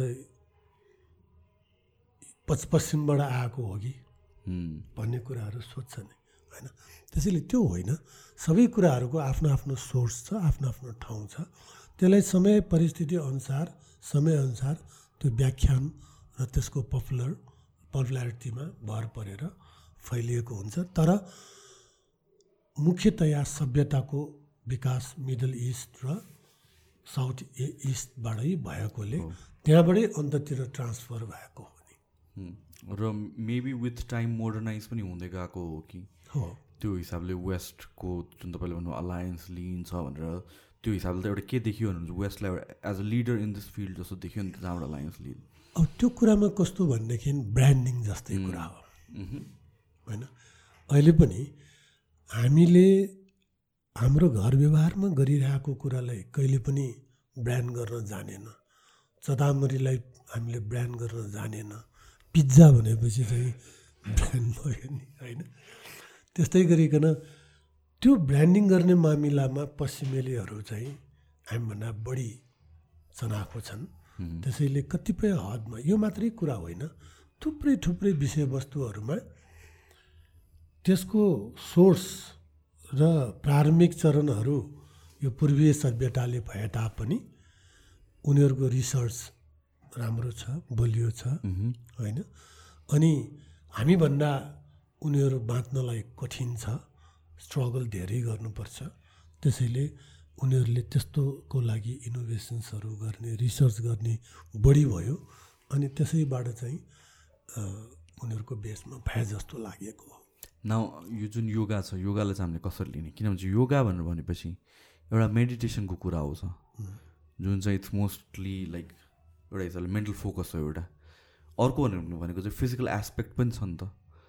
सो योगा भन्ने बित्तिकै दुवैको कम्बिनेसन हो कि कि कसरी मैले अघि भने नि अब हुन त म यति व्याख्या गर्न गर्ने सक्ने खालको त नहोला। म योगाचार्य जस्तो माथिल्लो पदमा होइन तर मैले करिब बिस तिस वर्ष भयो योगा आफै पनि प्र्याक्टिस गर्छु र मेरो इन्स्टिट्युटमा पनि योगा सिकाउँछु। मैले भने नि हाम्रो शारीरिक रूपमा या मानसिक रूपमा हामी स्वस्थ हुनको लागि तिनवटा चिजको जोड एड त्यो भनेको बडी मुभमेन्ट ब्लड सर्कुलेसन र रेगुलर ब्रेथिङ त्यो तिनवटा यदि प्रपरली भइदियो भने हामी शारीरिक रूपमा पनि मानसिक रूपमा पनि स्वस्थ हुन्छौँ। होइन? त्यसैले यो अघि भने जस्तै मानसिक स्वस्थता छैन भने शारीरिक स्वस्थता अस्वस्थता हुनु धेरै बल पुर्याउँछ। जो मान्छेलाई चाहिँ शारीरिक अस्वस्थता छ भने उसले मानसिक स्वस्थता पाउनु पनि गाह्रो हुन्छ। फर इक्जाम्पल योगामा आठवटा चरण छ। हामी हठ योगामा बढी गर्छौँ। हठ योगामा पनि यम नियम आसन प्राणायाम प्रत्याहार धारणा ध्यान समाधि आठवटा स्टेप हुन्छ। अब सम सामान्य रूपमा भन्नुपर्दा यम भनेको सोसल डिसिप्लिन नियम भनेको इन्डिभिजुअल डिसिप्लिन आसन भनेको पोस्ट पोजिसन्सहरू अनि प्राणायाम भनेको ब्रेथिङ म्यानेजमेन्ट होइन कन्ट्रोल अनि प्रत्याहार भनेको हाम्रो पाँचवटा सेन्स अर्गान्स छ। त्यो पाँचवटा सेन्स अर्गान्सलाई अर्गान्सले हाम्रो मनलाई डोरिरहेको हुन्छ। त्यसैले त्यसलाई कन्ट्रोल गर्ने विधि हामीलाई थाहा छ नि कलर टेलिभिजन हेर्नु हुँदैन। त्यसले आँखा खान्छ भनेर। ब्ल्याक एन्ड व्हाइट हेर्न मन लाग्दैन। होइन? कोर्स बुक पढ्यो भने पाँच मिनटमा निन्द्रा लाग्ने उपन्यास पढ्यो भने रातिको दुई बजेसम्म पढ्न सक्ने। हामीलाई थाहा छ नि कोर्स बुक पढ्नुपर्छ भनेर। तर त्यो हाम्रो अर्गान्सहरूले हामीलाई उतै डोर्याउँछ त्यसैले त्यो पाँचवटा सेन्स अर्गान्सलाई कसरी कन्ट्रोल गर्ने भन्ने मेडोलोजी चाहिँ प्रत्याहारले दिन्छ। अनि धारणा एक्सेप्टेन्स ध्यान मेडिटेसन अनि समाधि। समाधि भनेको अर्कै पातो हो। बुद्धिज्ममा निर्वाण पनि भनिन्छ। त्यसैले हामीले ध्यानकै चरणमा भन्ने भयो भने सामान्य अर्थमा ध्यान भनेको शून्य हो। हाम्रो शरीरमा हाम्रो शरीर तिन किसिमले मेरो मेरो हिसाबले तिन चरण छ। एउटा हात खुट्टा हात खुट्टामा जहाँ हाम्रो सबभन्दा बढी चाहिँ वाटर होइन पानी र भूमिको मात्रा बढी अर्थ तत्त्वको मात्रा बढी छ। तर त्यो हात र खुट्टा आफैले चाहिँ काम गर्दैन। उनीहरूले जे ब्रेनले इन्स्ट्रक्सन गरेको छ त्यो गर्छ। उठ भने उठ्छ बस भने बस्छ त्यो मात्रै गर्छ। तर हाम्रो यहाँ चारवटा चक्रहरू यो भित्रका अर्गान्सहरू त्यो ब्रेनले भनेको पनि मान्दैन हाम्रो हार्टले ठप्पर दिए पनि मान्दैन उनीहरूले गर्नुपर्ने फङ्सन्स चौबिसै घन्टा निरन्तर गरिराख्छ। होइन? तपाईँ एकपल्ट करि पल परि कल्पना गर्नुहोस् न। हाम्रो मुटु एउटा मासु र रगतले बनेको फलामको गाडी त बिस वर्षमा पुरानो हुन्छ होइन? त्यो मुटुले अस्सी वर्ष सय वर्ष काम गर्छ होइन? त्यो मुटुको चाल मुटुले गर्नुपर्ने काम दिमागले रोक भनेर पनि रोक्दैन नि या अरू अङ्गहरू पनि होइन? त्यसपछि यो तिनवटा माथिको चक्रहरू जुन घाँटी या थर्ड आई या क्राउन उनीहरू चाहिँ धेरै सेन्सिटिभ हुन्छ होइन? हाम्रो हात काटे पनि मर्दैन होइन? खुट्टा काटे पनि मर्दैन घाँटी छिनौली पनि जान्छ नि त होइन? त्यसो भएकोले हामीले जुन यो त्यो तिनवटा सेन्स अर्गा त्यो चक्रहरू छ त्यो बढी चाहिँ सेन्सिटिभ छ। त्यसले चाह्यो भने काम गर्छ चाहिएन भने काम गर्दैन पनि। चाहियो भने राम्रोसँग काम गर्छ चाहिएन भने नराम्रो काम गर्छ। हाम्रो बोली यदि हामीले चाहिँ राम्रो बोली बोल्यो भने बिग्रिए काम पनि बन्छ। भोलि छुचो भयो भने मान्छे जतिसुकै राम्रो भए पनि अर्थ लागेन। त्यस्तै गरिकन बुद्धि र विवेक पनि त्यही कुरा हो। त्यसैले यो तिनवटा चाहिँ एकदम सेन्सिटिभ छ जसमा अलिकति अनब्यालेन्स आउन साथ डिप्रेसन माइग्रेन एन्जाइटी यावत अहिले अब टेक्निकल फर्ममा हामी अब मेडिकलमा आफ्नै ठाउँमा होला तर यी कुराहरू आउने त यसैको कारणले हो नि। होइन यो सबैलाई पनि हामीले ब्यालेन्समा ल्याउनको लागि अरू सूत्रहरू पनि थुप्रै काम लाग्छ योगाभ्यास पनि काम लाग्छ होइन? ध्यान मेडिटेसन पनि काम लाग्छ। तर योगा गर्दाखेरि जसरी हामीले शरीरमा भाइब्रेसन पैदा गर्नु छ त्यस्तै गरिकन मेडिटेसन गर्दाखेरि मेडिटेसन गर्ने पनि विभिन्न तरिका छ होइन? पुग्नुपर्ने रत्न पार्क हो। तपाईँसँग पैसा छ गाडी छ गाडीबाट जानुहोस्। पैसा छ ट्याक्सीबाट जानुहोस् पैसा कम छ बसबाट जानुहोस् पैसा छँदै छैन हिँडेरै भए पनि जानुहोस् न। तर तपाईँ पाइला चाल्नुभयो भने रत्न पार्क पुगिन्छ। तर तपाईँ रत्न पार्क जानुपर्ने भन्दै यहाँ बसेर गऱ्यो भने तपाईँ कहिले पुग्नुहुन्न? होइन? त्यसै नै हामीले यो यौगिक अभ्यासहरूमा पनि ध्यानमा पनि हामीले त्यही कुरा हो। ध्यान गर्नु छ त्यो सामान्य अर्थमा शून्यतामा बस्नु। अब त्यसलाई कुनै मन्त्रको माध्यमबाट कुनै आफ्नै इनर सेन्सहरूलाई ध्यान गरेर आफ्नै अङ्गहरूलाई कन्सन्ट्रेट गरेर रेस्पिरेसनको कन्सन्ट्रेसन गरेर जेबाट भए पनि शून्यतामा जाने सामान्य अर्थमा। तर त्यो जाने क्रममा कसैलाई मन्त्र राम्रो हुन्छ कसैलाई चान्टिङ राम्रो हुन्छ कसैलाई साउन्ड म्युजिक पनि राम्रो हुन्छ। यो अहिले सिङ्गिङ बोलको साउन्डहरू यस्तो साउन्ड छ जुन तपाईँलाई चक्र हिलिङको साथसाथै त्यो सुन्दाखेरि शून्यतामा जान सजिलो माध्यम मध्ये पनि छ। त्यसैले पनि यो अहिलेको अवस्थामा धेरै पपुलर भएको। नाउ यो जुन थर्ड आईको कुरा गर्नुभयो आजकल अलिकता बेसी मोर कन्टेक्स्टहरूमा आइरहेको हुन्छ थर्ड आई भनेर चाहिँ के हो खासमा? भिजन विवेक। बुद्धिले दुई प्लस दुई चार भन्छ। होइन? अब विवेकले चोर्नु हुन्छ कि चोर्नु हुँदैन? पुलिसलाई भन्दा बढी ज्ञान चोरलाई चाहिन्छ चोर्नुलाई। उसले प्लान बनाउनुपर्छ। परिकल्पना गर्नुपर्छ। यहाँबाट जाने यसरी जाने त्यो घरमा यो बेला मान्छे ख खाली हुन्छ यो ठाउँमा पैसा होला धेरै सोच्नुपर्छ नि। पुलिसले त घटनापछि पो त्यहाँ पुग्ने हो अनि इन्भेस्टिगेसन गरेर पत्ता लगाउने कुरा। त्यसैले त्यो परिकल्पना गर्नु भनेको गाह्रो काम हो होइन? त्यसैले हामीले कुनै पनि सोचलाई हामीले सोच्ने तरिका सोच्ने माध्यम गलत भइदियो भने मनमा धेरै कुराहरू आउँछ। नराम्रो कुराहरू आउँछ जसले हामीलाई नेगेटिभ इम्प्याक्ट पार्छ।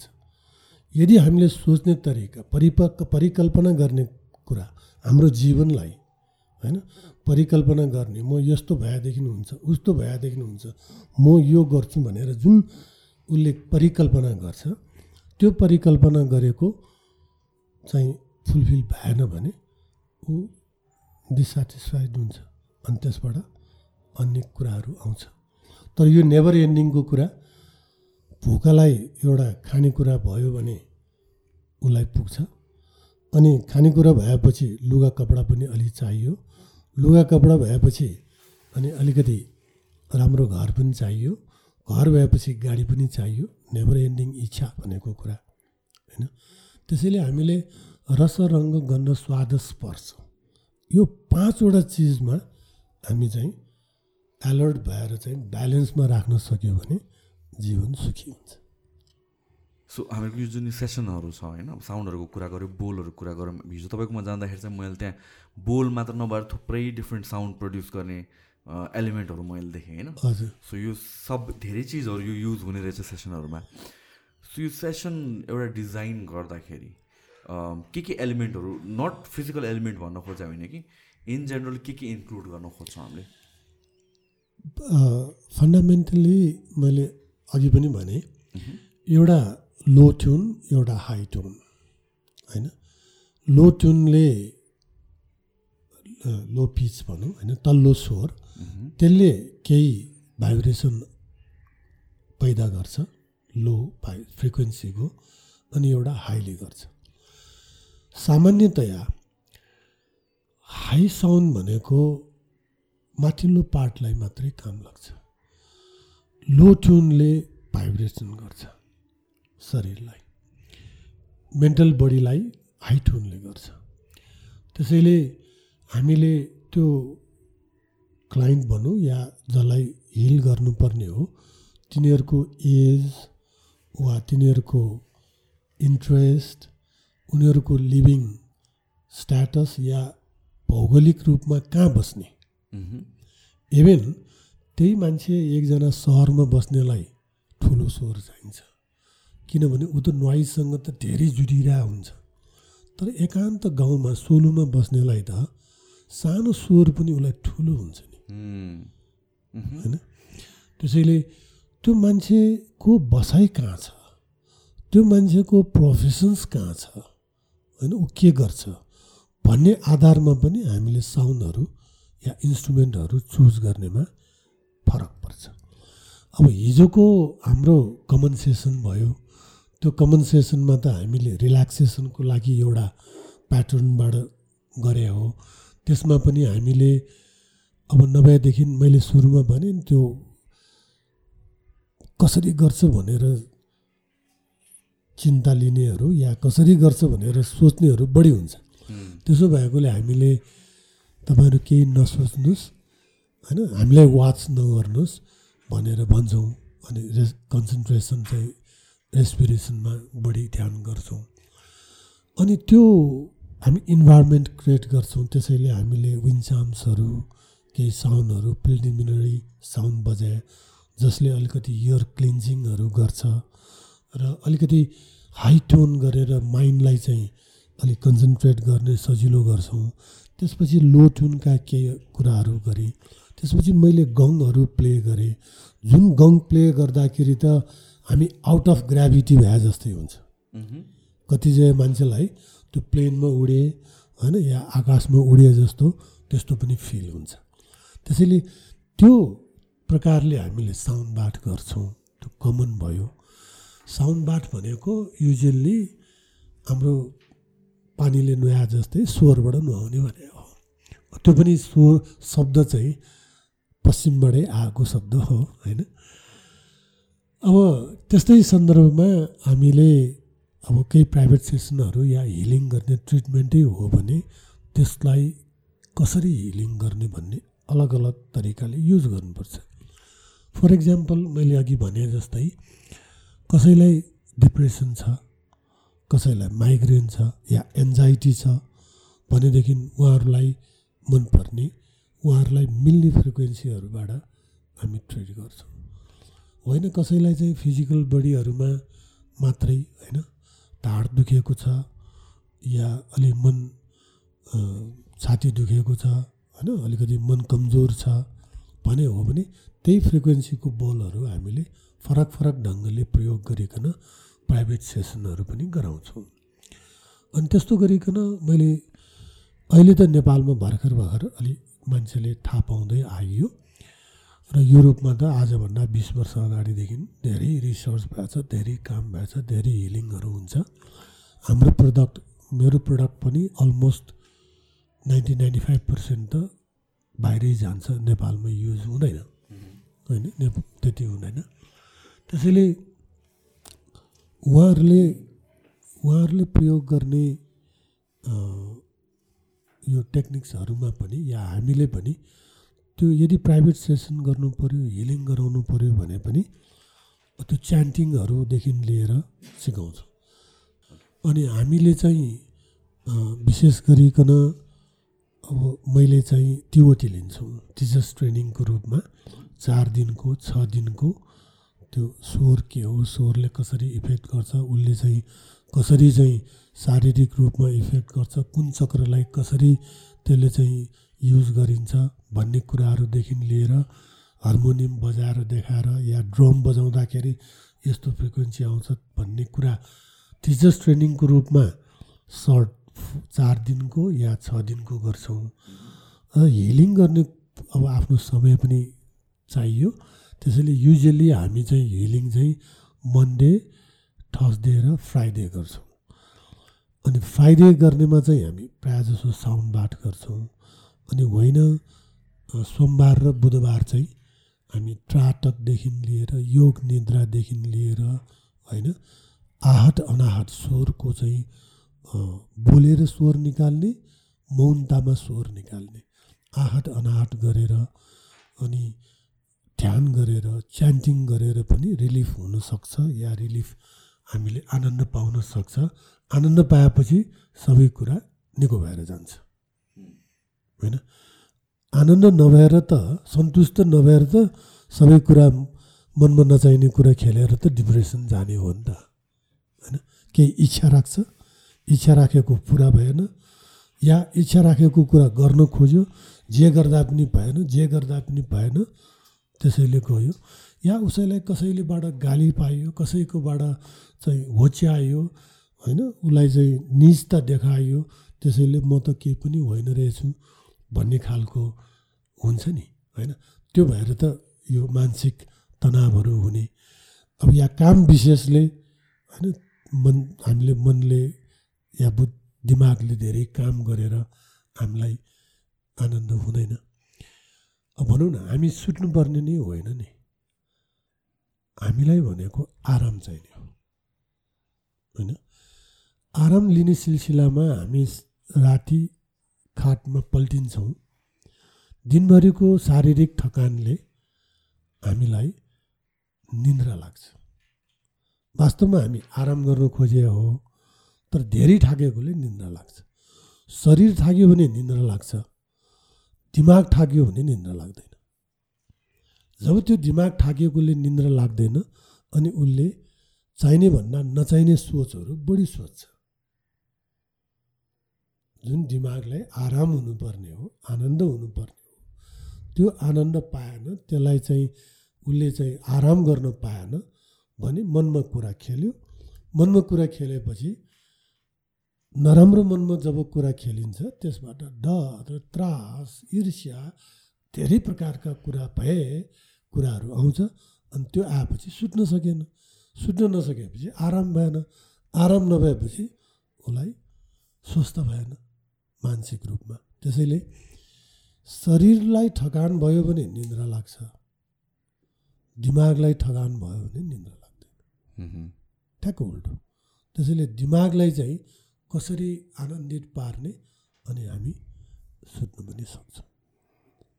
नाउ यो जुन साउन्ड थेरापी छ हामीहरूले गर्छौँ यो सबैको लागि हुन्छ कि नहुने काइन्ड अफ क्याटेगोरी पनि हुन्छ? अब हुँदैन होला यो? त्यो यदि हिलिङ नै गर्ने हो भने। त्यसमा व्यक्ति विशेष रोग विशेषहरू पनि हेर्नुपर्ने हुन्छ। मैले अघि भने नि each and every motions there is vibration when there is a vibration there should be sound होइन? त्यसैले हाम्रो each and every part art यो हाम्रो अर्गान्सहरू पनि मोसनमा छ नि। त्यसैले उनीहरूको पनि आफ्नै फ्रिक्वेन्सीहरू सबै अहिले धेरै कुरा रिसर्च गरेर आइसकेछ होइन? त्यसैले रोग विशेषले पनि हामीलाई कसैलाई चाहिँ ढाड दुखेको छ कसैलाई चाहिँ किडनी प्रब्लम छ कसैलाई के प्रब्लम छ त्यो अनुसार पनि अहिले साउन्ड हिलिङ गर्ने आइसक्यो होइन? त्यो फ्रिक्वेन्सीहरू दिएर। अनि त्यस्तै गरिकन हाम्रो एन्जाइटी डिप्रेसनहरूलाई पनि त्यही फ्रिक्वेन्सीकोहरू दिएर बौलले या अरू इन्स्ट्रुमेन्टहरूले ट्रिटमेन्ट गर्ने पनि अहिले चलन आइसक्यो। अहिले फाइभ हन्ड्रेड ट्वेन्टी एट हर्सको। बौल एउटा पपुलर छ। जसले चाहिँ एन्जाइटीलाई धेरै काम लाग्छ भन्ने कुरा छ होइन? अब तर पनि अब जस्तो हामीले यसको हिलिङ गर्ने मेडोलोजी सिकाउँदाखेरि अब कसैले पेसमेकर युज गरेछ भने। उसलाई त हार्टमा धेरै भाइब्रेसन दिनु मिलेन होइन? कोही प्रेग्नेन्ट छ भने त्यो टाइममा हामीले युज गर्न अर्कै उपायहरू अप्नाउनु पर्ने हुन्छ। त्यसलाई बोल चाहिँ हामी पेटको नजिक या पेटसँग जोडिएर गर्नु नमिल्ने हुन्छ। त्यस्तै गरिकन अब मै महिलाहरूको पिरियडको टाइममा भयो भने हामी एक्जिल गर्नु हुँदैन। इनहिल अलिअलि गर्न मिल्छ। एक्जिलले फेरि नेगेटिभ इम्प्याक्ट पर्छ। त्यसैले त्यो हिलरलाई चाहिँ त्यो ज्ञानहरू भयो भने र त्यो अनुसार हामीले चाहिँ गर्न सक्छौँ। अब कोर्स डिजाइन भनेको चाहिँ हामीले सामान्यतया त एउटा प्याटर्नमै कोर्स डिजाइन हुन्छ तर व्यक्ति विशेषको रोग व्याधि या अवस्था हेरेर चाहिँ उनीहरूलाई अब कुन कुन युज गर्नुपर्छ त्यो अनुसार चाहिँ हामी युज गर्छौँ। नाउ यो साउन्ड पनि टु मच भन्ने हुन्छ कि हुँदैन? हुन्छ। त्यही त मैले भने नि if we like it then we call sound if we doesn't like it we call noise जस्तो कि यो अब युट्युबहरूमा जुन यो फाइभ हन्ड्रेड ट्वेन्टी एट फ्रिक्वेन्सीकै कतिवटा भिडियोहरू हुन्छ होइन अब त्यो त कतिवटा त दस घन्टासम्म पनि कन्टिन्यू हुने काइन्ड अफ हुन्छ। तर त्यो सुनिराख्नु दस त्यो हिसाबले चाहिँ भन्नु दस घन्टा के? तपाईँ एकैछिनमा। मैले सामान्य उदाहरण दिएँ। गाडीको हर्न नोइज हो। त्यसैले हामीलाई डिस्ट्र्याक्ट गर्छ। गाडीको हर्न बज्न साथ त भाग्ने कुरा हुन्छ नि। एट्र्याक्ट हुँदैन। तर गाडीकै हर्नलाई चाहिँ राम्रो स्वर बजायो भने त मान्छे त त्योसँग एट्र्याक्ट हुन्छ। त्यसैले त्यो लामो समयसम्मकै कुरा होइन। छोटो अवधिमा पनि एकपटक हामीलाई त्यो साउन्डबाट इरिटेट भयो भने फेरि फेरि त्यो साउन्ड सुन्नै पनि मन लाग्दैन। तर अट्र्याक्ट भयो भने पनि लाइक लामो टाइमसम्म सुन्न हुन्छ कि हुँदैन भन्नु खोजेको? त्यो कुरा व्यक्तिको व्यक्ति विशेषले पनि भर पर्छ। त्यसैले मैले भने साउन्ड कुन साउन्ड सुन्ने कुन समयमा?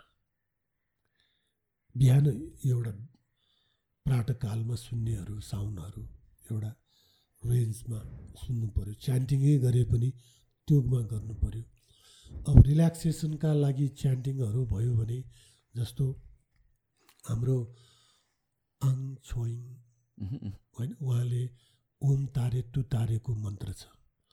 त्यो मन्त्र गाइयो उहाँको अनुसार गाइयो भने धेरै रिल्याक्स हुन्छ होइन?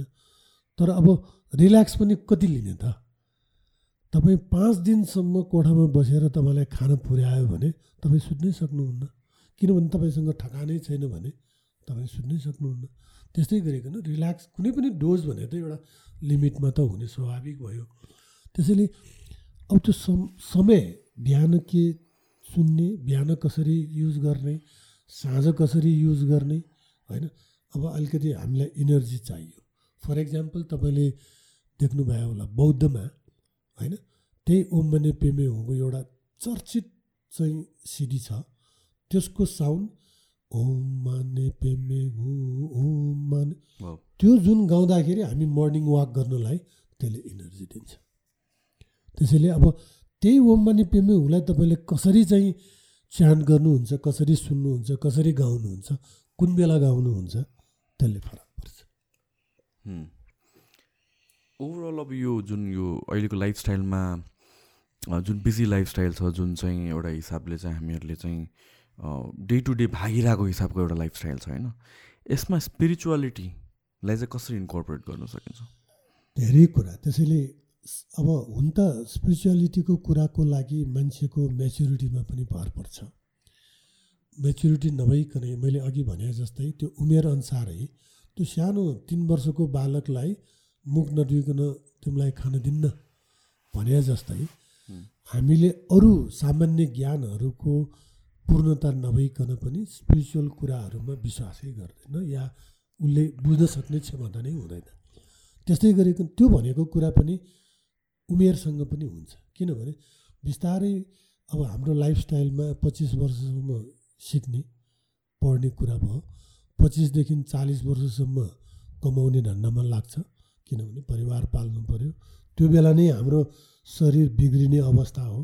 किनभने हामीले अर्थोपार्जनको लागि विभिन्न एक्टिभिटिजहरू गर्छौँ। जसको लागि हामीले खाना निन्द्रा परिवार सबैलाई सेक्रिफाइस गर्दै त्यो पिरियडमा जान्छौँ। जब पैँतालिस पचास नाग्यो अनि कमाएर के गर्ने? होइन? अलि वैरागीको भाव आउँछ जिन्दगी भनेर त पैसै मात्र होइन भनेर त्यो पचास वर्ष उमेरले मात्रै भन्ने धेरै हुन्छ। पच्चिस वर्षको लागि त कमाएर के गर्ने भन्ने कुरा त होइन नि। उसलाई त सबै फिजिकल फेसिलिटिजहरू चाहियो। होइन? त्यसैले त्यो समय काल परिस्थितिले भिन्न भिन्न हुने कुरा हो। त्यसैले हामीले यसलाई चाहिँ ध्यान दिनुपर्छ। ओके हामी टुवर्ड्स द एन्ड पुगिसकेको छौँ। लास्टमा केही तपाईँलाई एड गर्नु छ भने अब अब अहिले हामी हाम्रो लाइफस्टाइलको कुरा गर्दाखेरि हामी नेचरसँग भाग्दै हिँडेछौँ। मैले अघि पनि भने हामी जति नेचुरल्ली हुनुपर्ने नेचुरल्ली भन्दा पनि अरू धेरै जङ्गलमा जाने यो कुरासँग होइन हामी पञ्चतत्त्वसँग क्लोज हुनुपर्ने हो। त्यो पञ्चतत्त्वसँग जति मात्रामा हामी नजिक र त्यसको प्रयोग गर्नुपर्ने हो हामीले त्यो प्रयोग विधि झन्झन टाढ्दै गयो। अफिस जाने काममा कामको सिलसिलामा हामी काममा बसेनौँ। जाडो र गर्मीको कारणले हामीले एसी प्रयोग गर्न थाल्यौँ होइन? अब त्यस्तै पल्युसनको कारणले गाडी चढ्दाखेरि पनि एसी चलाउनु पर्ने अवस्थाहरू आयो। हामीले साँझ पख यसो आकाशतिर हेरेर हाम्रो मनलाई होइन वायु स्पेसलाई हेर्न खोजिएन। त्यो जति जति हुँदै गयो हाम्रो शरीर त नेचुरल शरीर हो नि होइन? त्यो शरीरलाई हामी भौतिकवादसँग जोड्दै हामी टाढा गएकोले हामीमा विकृत बढी आयो। त्यसैले अब भन्ने बेला चाहिँ be nature close to nature भन्ने कुराहरू यो पाँचवटा पदार्थहरूलाई हामीले अलिकति जीवनशैलीसँग नजिकबाट प्रयोग गर्ने वा आफ्नो जीवनशैलीमा गर्दै आएको गलत कुराहरूलाई सच्याउनको लागि केही योगिक कर्महरू केही यस्तै स्पिरिचुअल कुराहरू सुन्ने गऱ्यो भने जुनसुकै इजममा धर्ममा होइन समाजमा राम्रो पक्षहरू थुप्रै छ। थुप्रै आफ्नै समाजभित्र पनि थुप्रै छ। तर हामीले हाम्रो समाजमा या हाम्रो दैनिकीमा गरेको थुप्रै राम्रो कामलाई पनि हामीले वास्ता गर्दैन है। यो त दिनका दिन गरेको भन्ने जस्तो हुन्छ। अलिकति गोरो छालाले भनेको कुरा भन्यो भने सबै कुरा सही जस्तो लाग्छ। त्यो होइन। शिक्षा स्वास्थ्य भन्ने कुरा हाम्रै घरभित्र छ। पहिलो गुरु नै आमा र बुवा हो होइन? स्वास्थ्य पनि हाम्रै घरभित्र छ खाना हो होइन? त्यस्तै गरिकन हाम्रो जीवन अर्थ उपार्जनदेखि लिएर सबै कुराहरू हामी भित्रैको भित्रैबाट गर्नुहुन्छ। तर हामीले नजिकको देउटा हेला टाढाको देउटा मेला भने जस्तै हामी हाम्रो नेचरसँग भाग्दै होइन? भौतिक बाटमा लागेर भौतिक प्राप्तिको लागि हामी प्राकृतिकबाट प्रकृतिबाट टाढिँदै गयो। त्यसैले हामी शारीरिक या मानसिक रूपमा स्वस्थ हुने हो भने हामी चाहिँ अलिकति प्राकृतिक तर्फ लाग्नु सबैको लागि हिट हुन्छ। ओके सो लास्टमा तपाईँको यो साउन्ड थेरापी कहाँ लिन सकिन्छ? तपाईँको अर्गनाइजेसनको बारेमा पनि हल्का डिटेल भनिदिनु। ओके।